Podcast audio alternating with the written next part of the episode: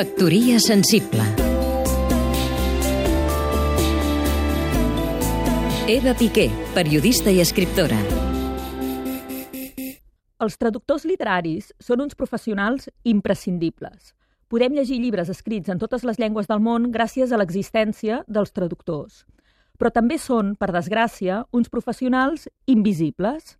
Massa sovint, els periodistes culturals parlem de llibres estrangers que llegim en català com si ens haguessin arribat a la nostra llengua per art de màgia.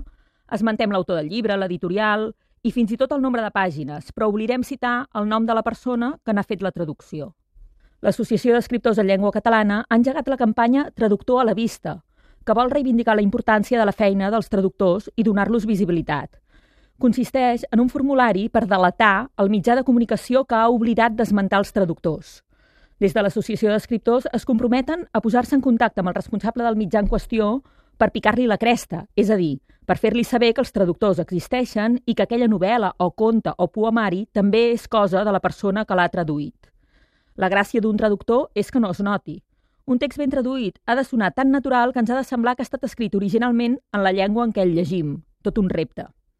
El traductor, doncs, s'esforça per ser transparent però és injust que quan ho aconsegueix no li reconeguem el mèrit d'haver-ho aconseguit. Això sembla un càstig a la bona feina. Potser és l'hora de rescatar aquell antic eslògan sobre la feina ben feta.